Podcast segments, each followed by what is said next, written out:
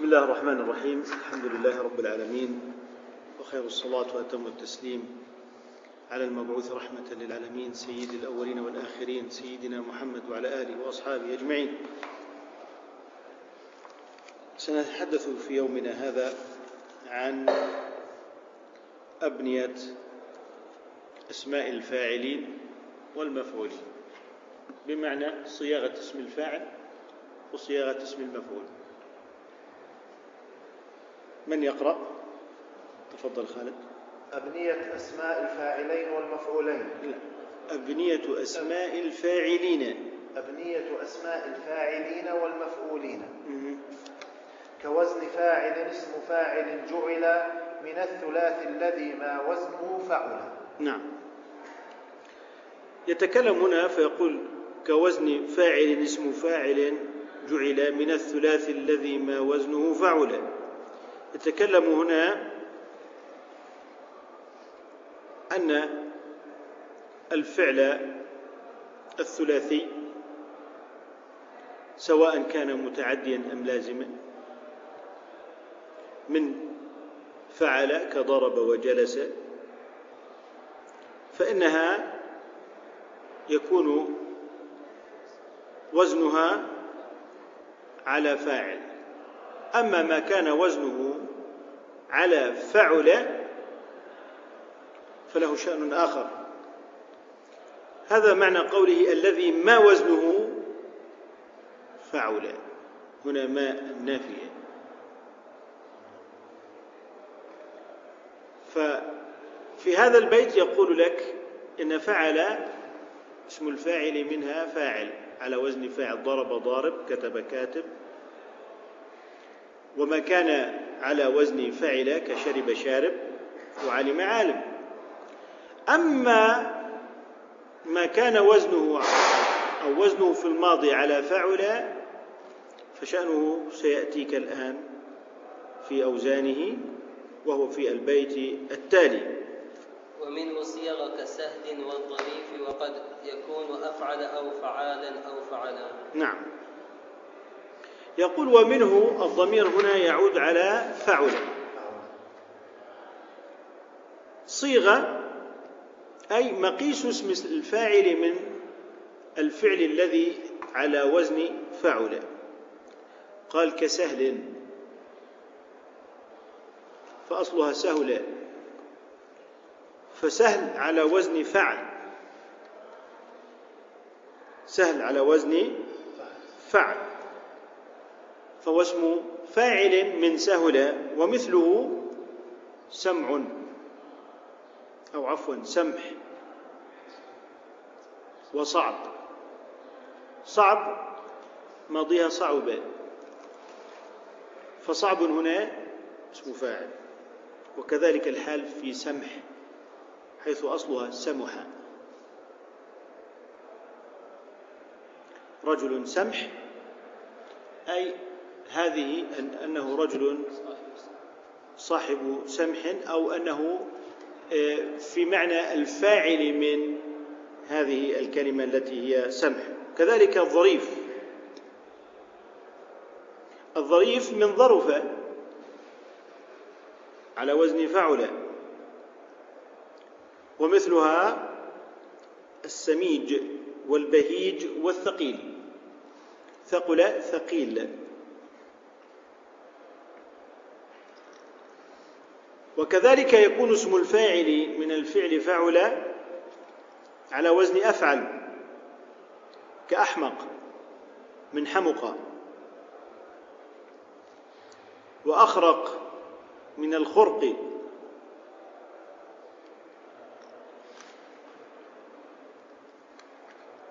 وكذلك يكون اسم الفاعل من فعل على فعال. حصان من حصنت. حصان من حصنت أي امرأة عفيفة. وكذلك الحال في قولهم جبان فهي من جبن وهي اسم فاعل من جبن. أو فعل كحسن. اسم فاعل من حسن وبطل. اسم فاعل من بطل. إذن هذه أسماع الفاعل أو أوزان أسماء الفاعل من الفعل على وزن فعل وما زال أيضا مستمرا في ذكر أوزان اسم الفاعل من فعل وكالفرات وعفر والحصور وغمر والحصور. والحصور وغمر عاقر وغم. وغمر عاقر جنب ومشبه ثمن ومشبه. ومشبه ثمن. يقول أيضا اسم الفاعل من فعل يكون على الفرات على وزن فعال فتقول فرت وهو الفرات. أي الماء. وكذلك عفر من عفر. وبدع من بدع. وحرم من حرم. وهناك قراءات وحرم على قريته فكما نقول حل في الحلال نقول حرم في الحرام. كما نقول حلال ونقول كذلك حرام. إذا حرم هنا متضمنة لمعنى اسم الفاعل. وكذلك الحصور. وهو الرجل الذي لا أرب له في النساء. فالحصور بمعنى اسم الفاعل من الفعل حصر. وكذلك غمر من الفعل غمر. غمارة.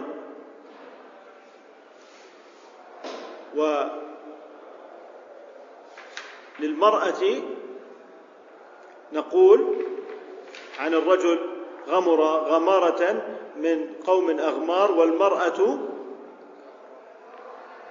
غمرة. أو عفوا للمرأة نقول غمرة.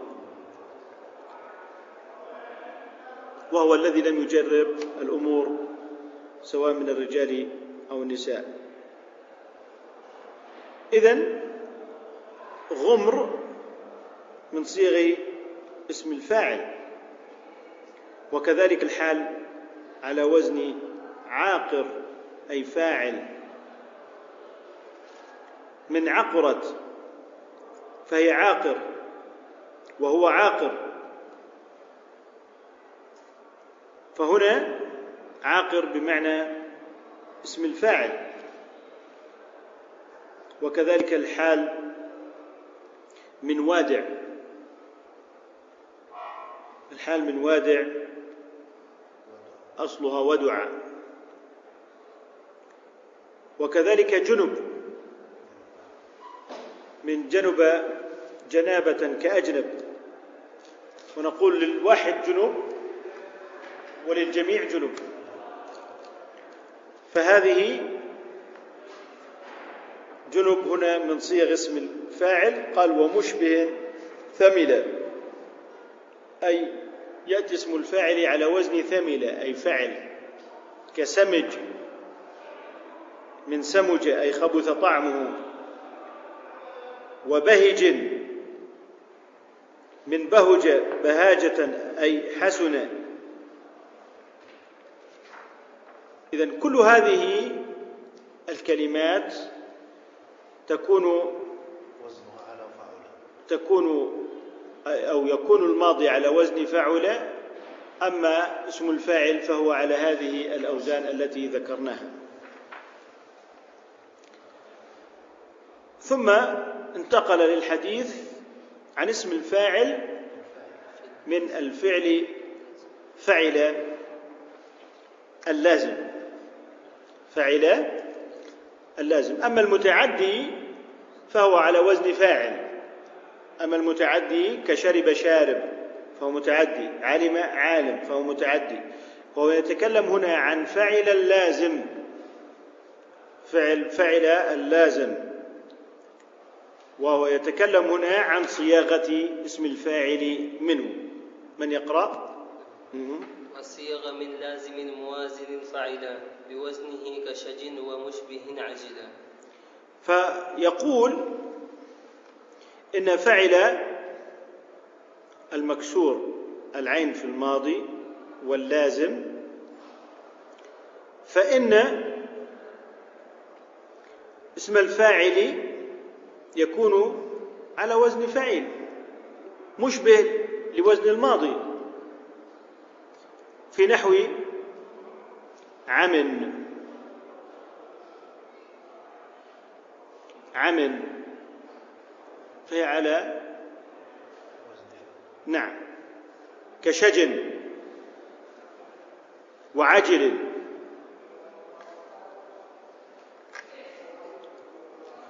إذا سواء كان متعد سواء كان معتلا كشجية فإن اسم الفاعل منه شجن. أو كان صحيحا غير معتل فإن اسم الفاعل أيضا منه على وزن فعل نحو عجل. وكذلك الحال في ثمل. اسم فاعل من الفعل ثمل. وكذلك سكر. فسكر هنا اسم فاعل من الفعل سكر. تقول رجل سكر. سكر. وكذلك أشر وبطر.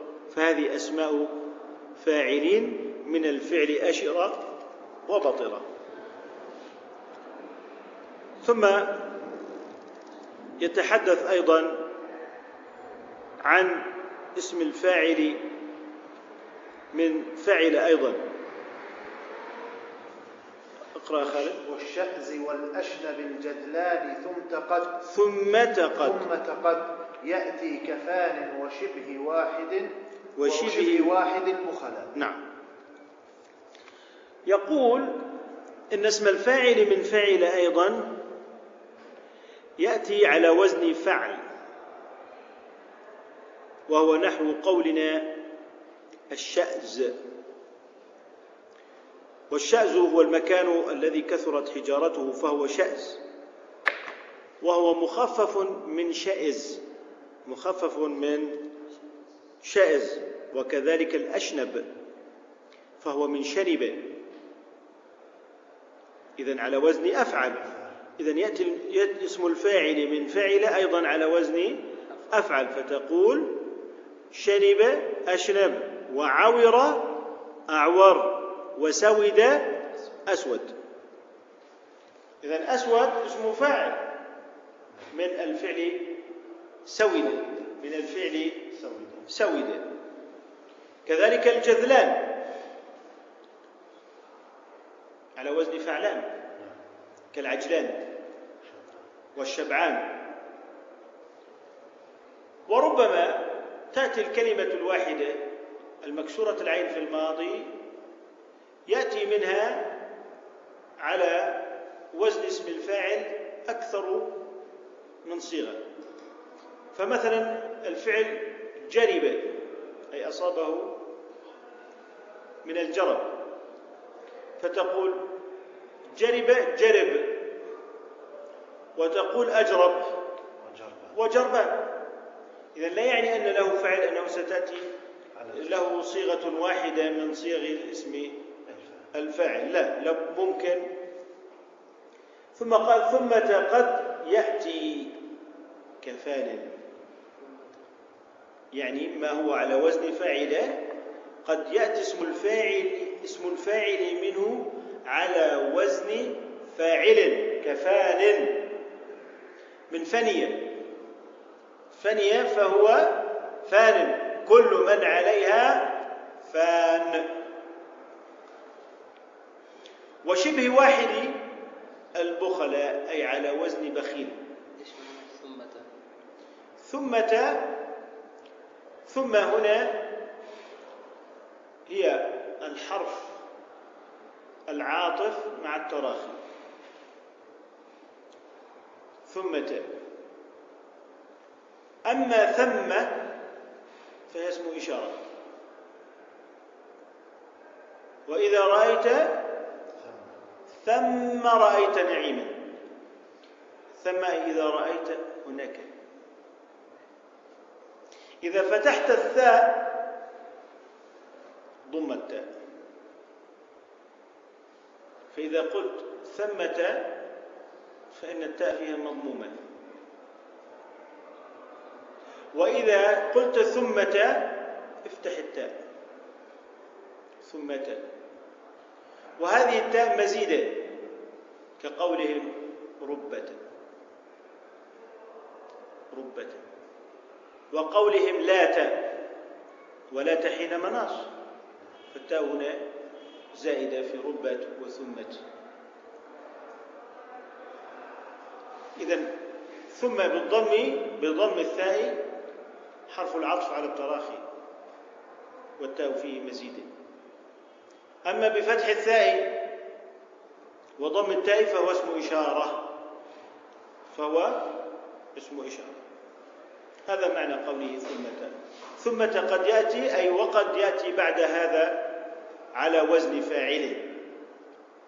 وفاعل قد يأتي على وزن فاعل. كقولهم فني فهو فان. وكذلك قد يأتي على وزن واحد البخلاء فقد يأتي اسم الفاعل من فعل على وزن فعيل كبخل وبخيل. كبخل وبخيل. البيت الآتي حملا على غيره لنسبة كخفيف طيب أشيب في الصوغ من فعل الآن في البداية قال لك إن ما كان على وزن فعل هذه أوزان التي مرت بنا. وفعل هذه أوزانه ولكنه قد يأتي على وزن فاعل الذي هو من فعل. لمناسبة ولنسبة. شابه وزن فعل في اسم الفاعل على فاعل وفعيل لمشابهة ولنسبة. فيقول حملا على غيره. حملا على غيره من المضموم الذي هو فعل أو المفتوح اللي هو فعل. لنسبة فقد تكون هذه النسبة المشابهة. مثل صعد وذهب.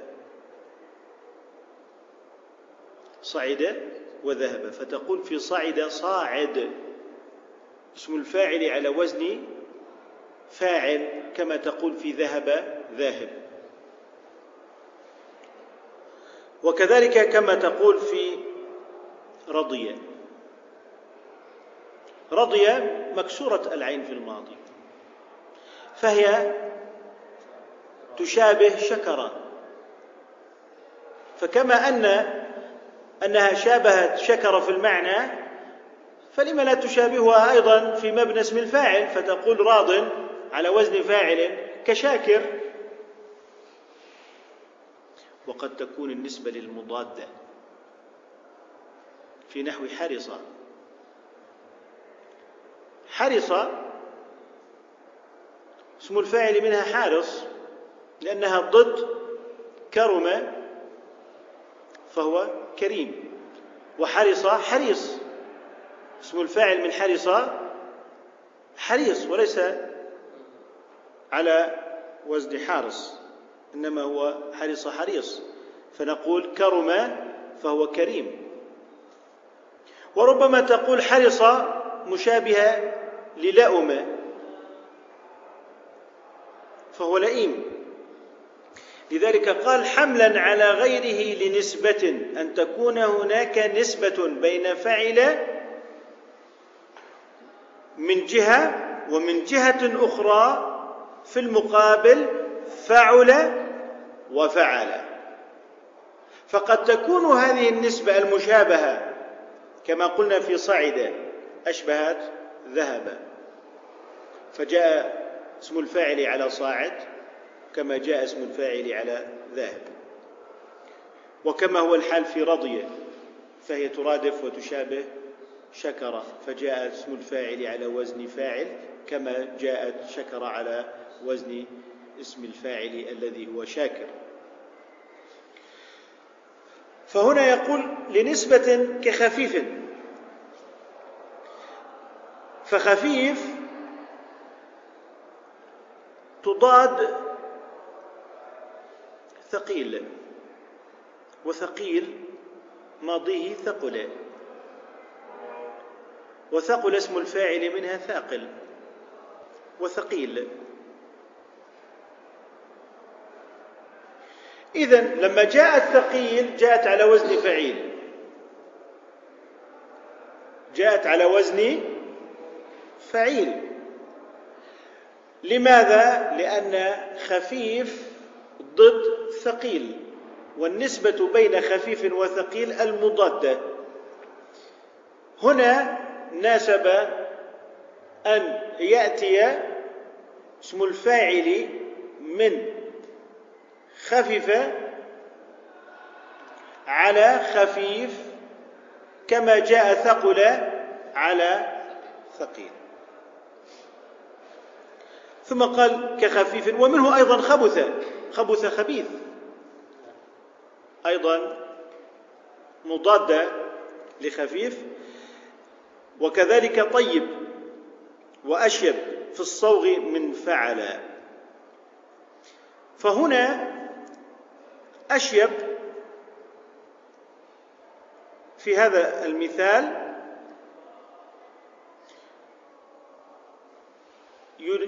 يناسب قولنا فعل أن تأتي على أفعل في اسم الفاعل كعور أعور.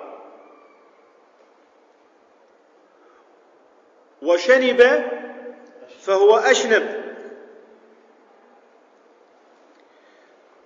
فهناك مناسبة في في في وصف الخلقة النسبة أشيب وأعور وأشنب.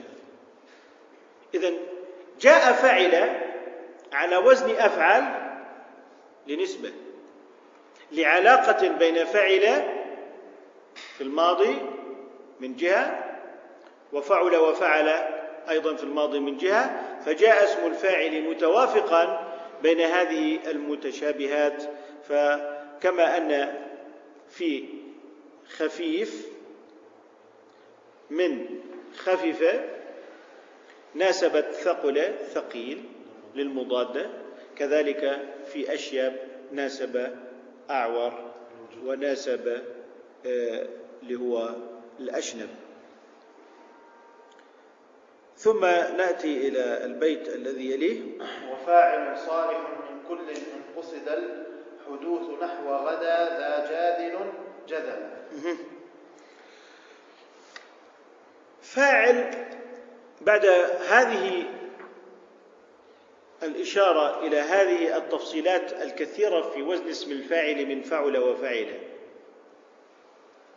يقول لك يمكن أن تأتي بما هو على وزن الفاعل من فعل وفعل إن قصد الحدوث. ماذا يعني بقوله إن قصد الحدوث؟ لما قال وفاعل صالح من كل أي من كل الأوزان الثلاثة فعل وفعل وفعل. قال إن قصد الحدوث أي وقوع الفعل. إن قصد الحدوث أي وقوع الفعل. نقول إن اسم الفاعل وإن تضمن الاسمية إلا أنه يتضمن الحدث أيضا. تقول خالد ضارب زيدا غدا. ألا يوجد فيه معنى سيضرب؟ هذا معنى قصد الحدوث الذي هو وقوع الفعل.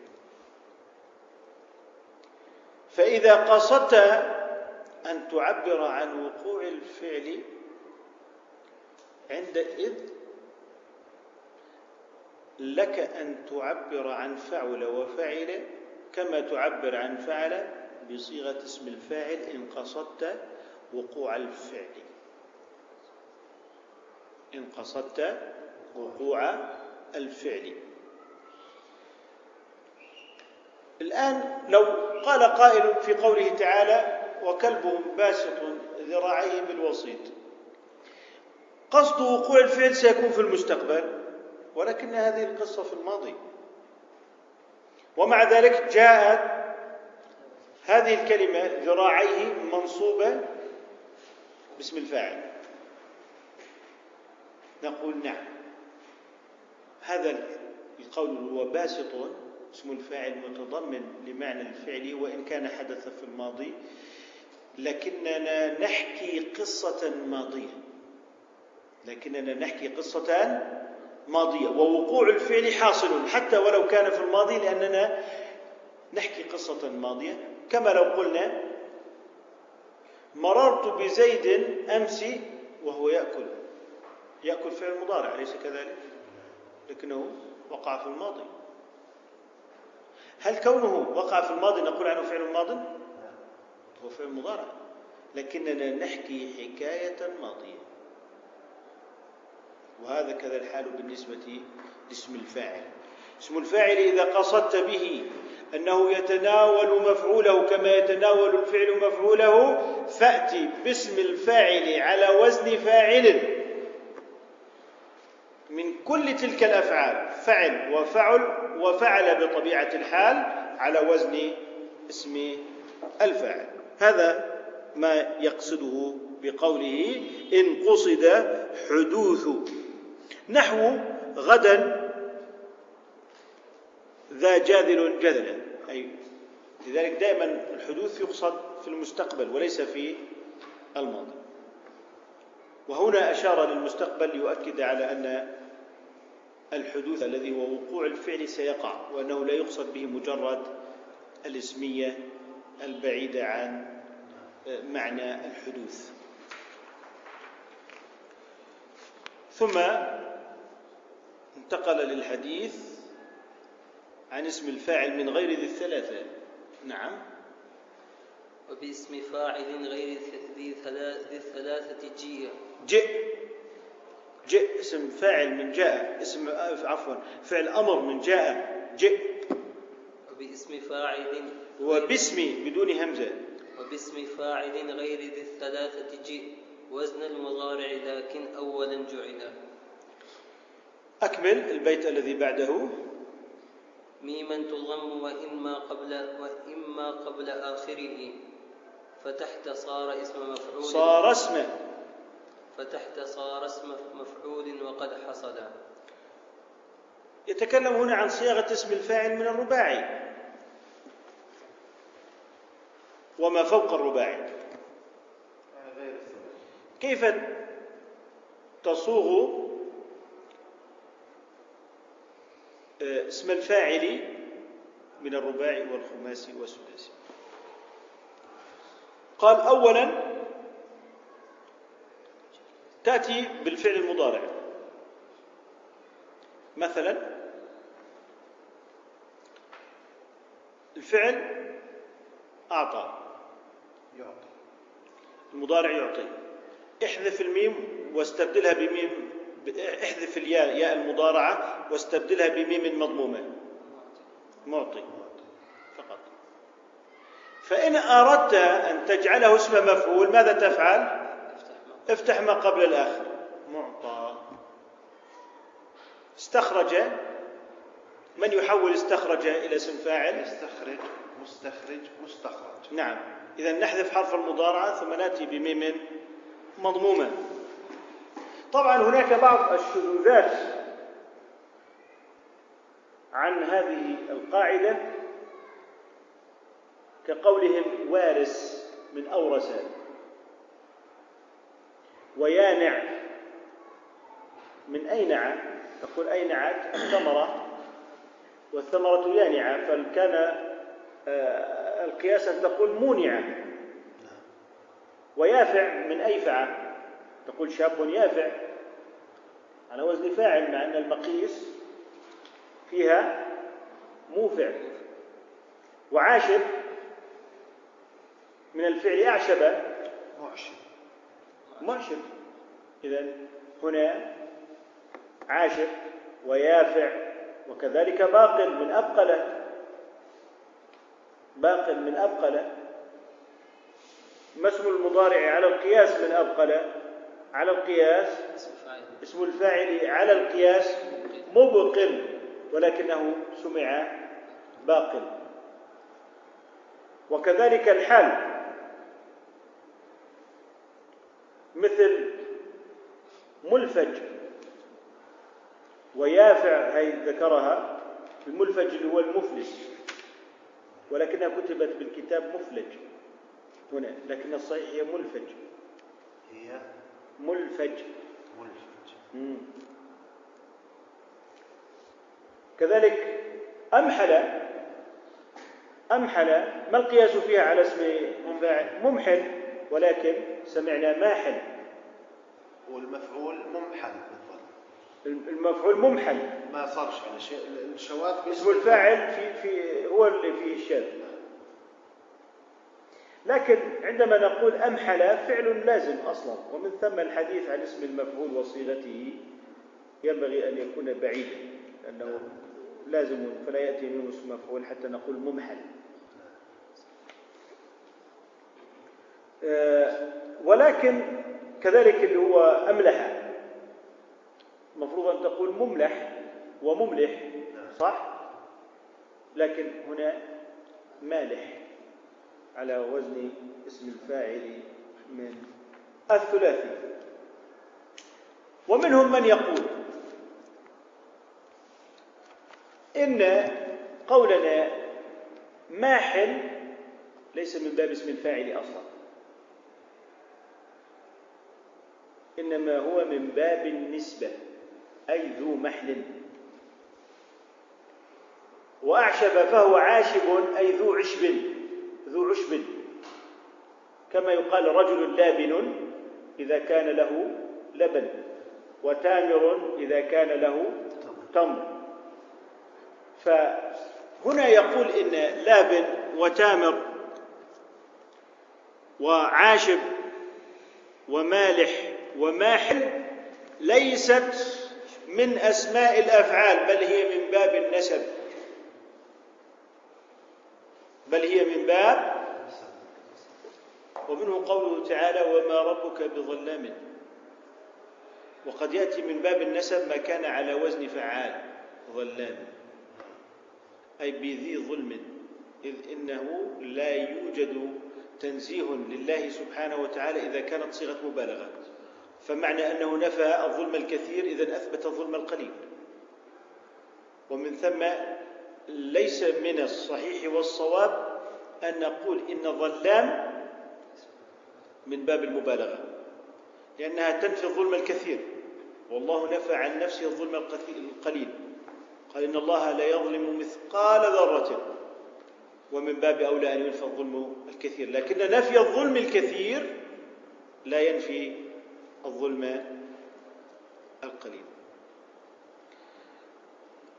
فلذلك وما ربك بظلام هي من باب النسب أي بذي ظلم.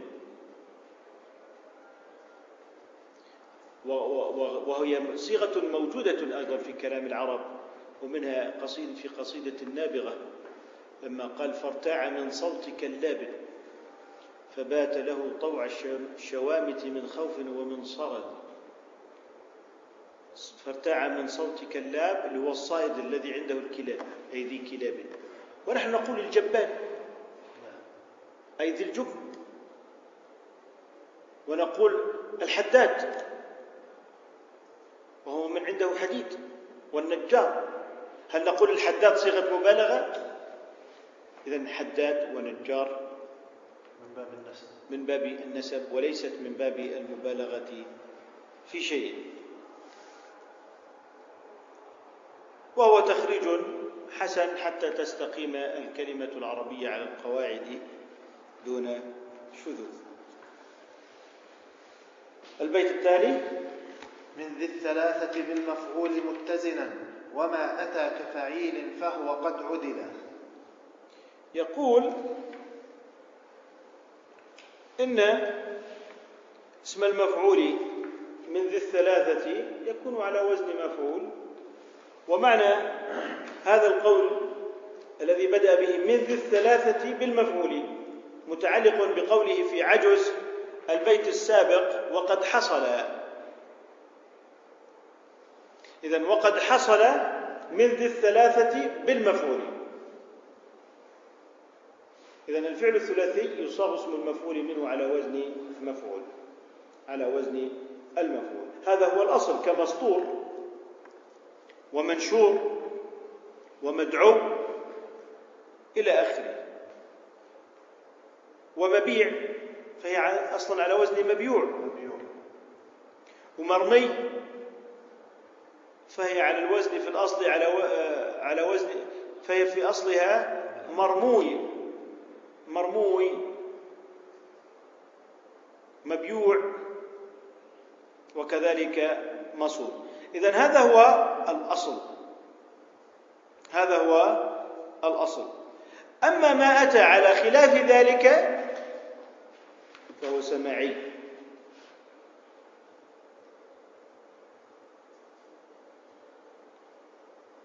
معدول عن المفعول. معدول عن المفعول. قال وما أتى كفعيل فهو قد عدل.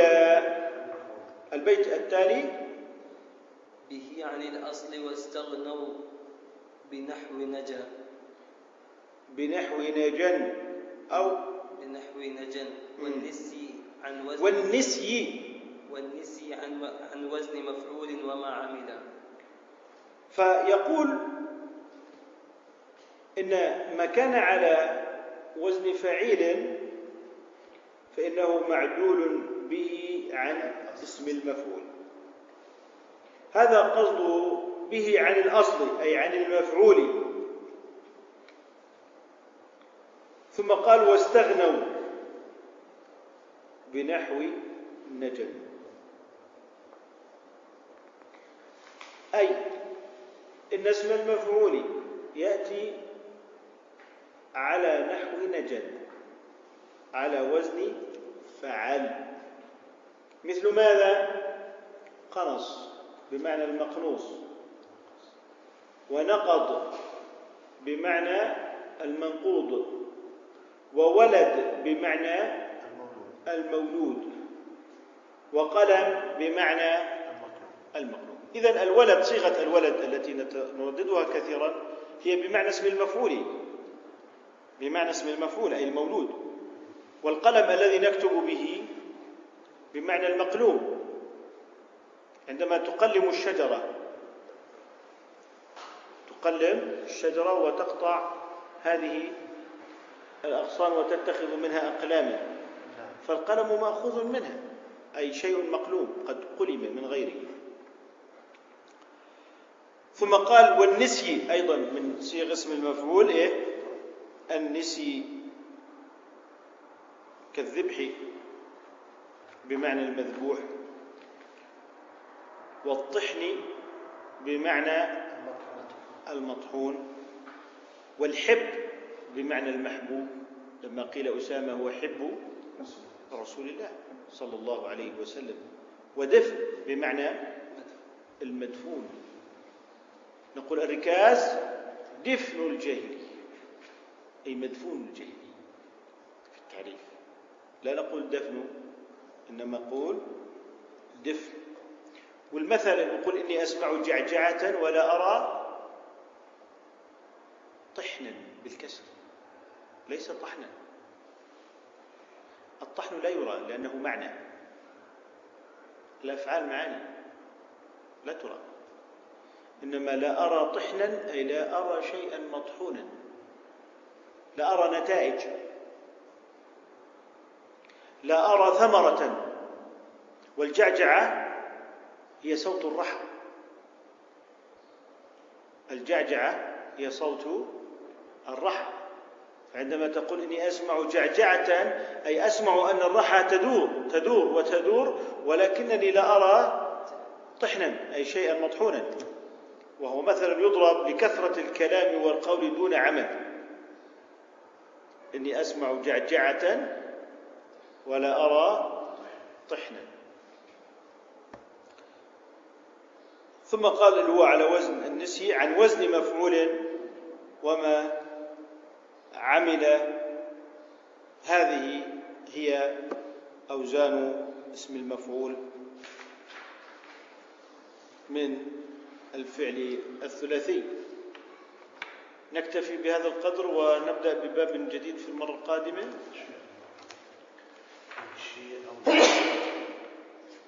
يرحمكم الله. سبحانك اللهم وبحمدك نشهد أن لا إله إلا أنت نستغفرك ونتوب إليك.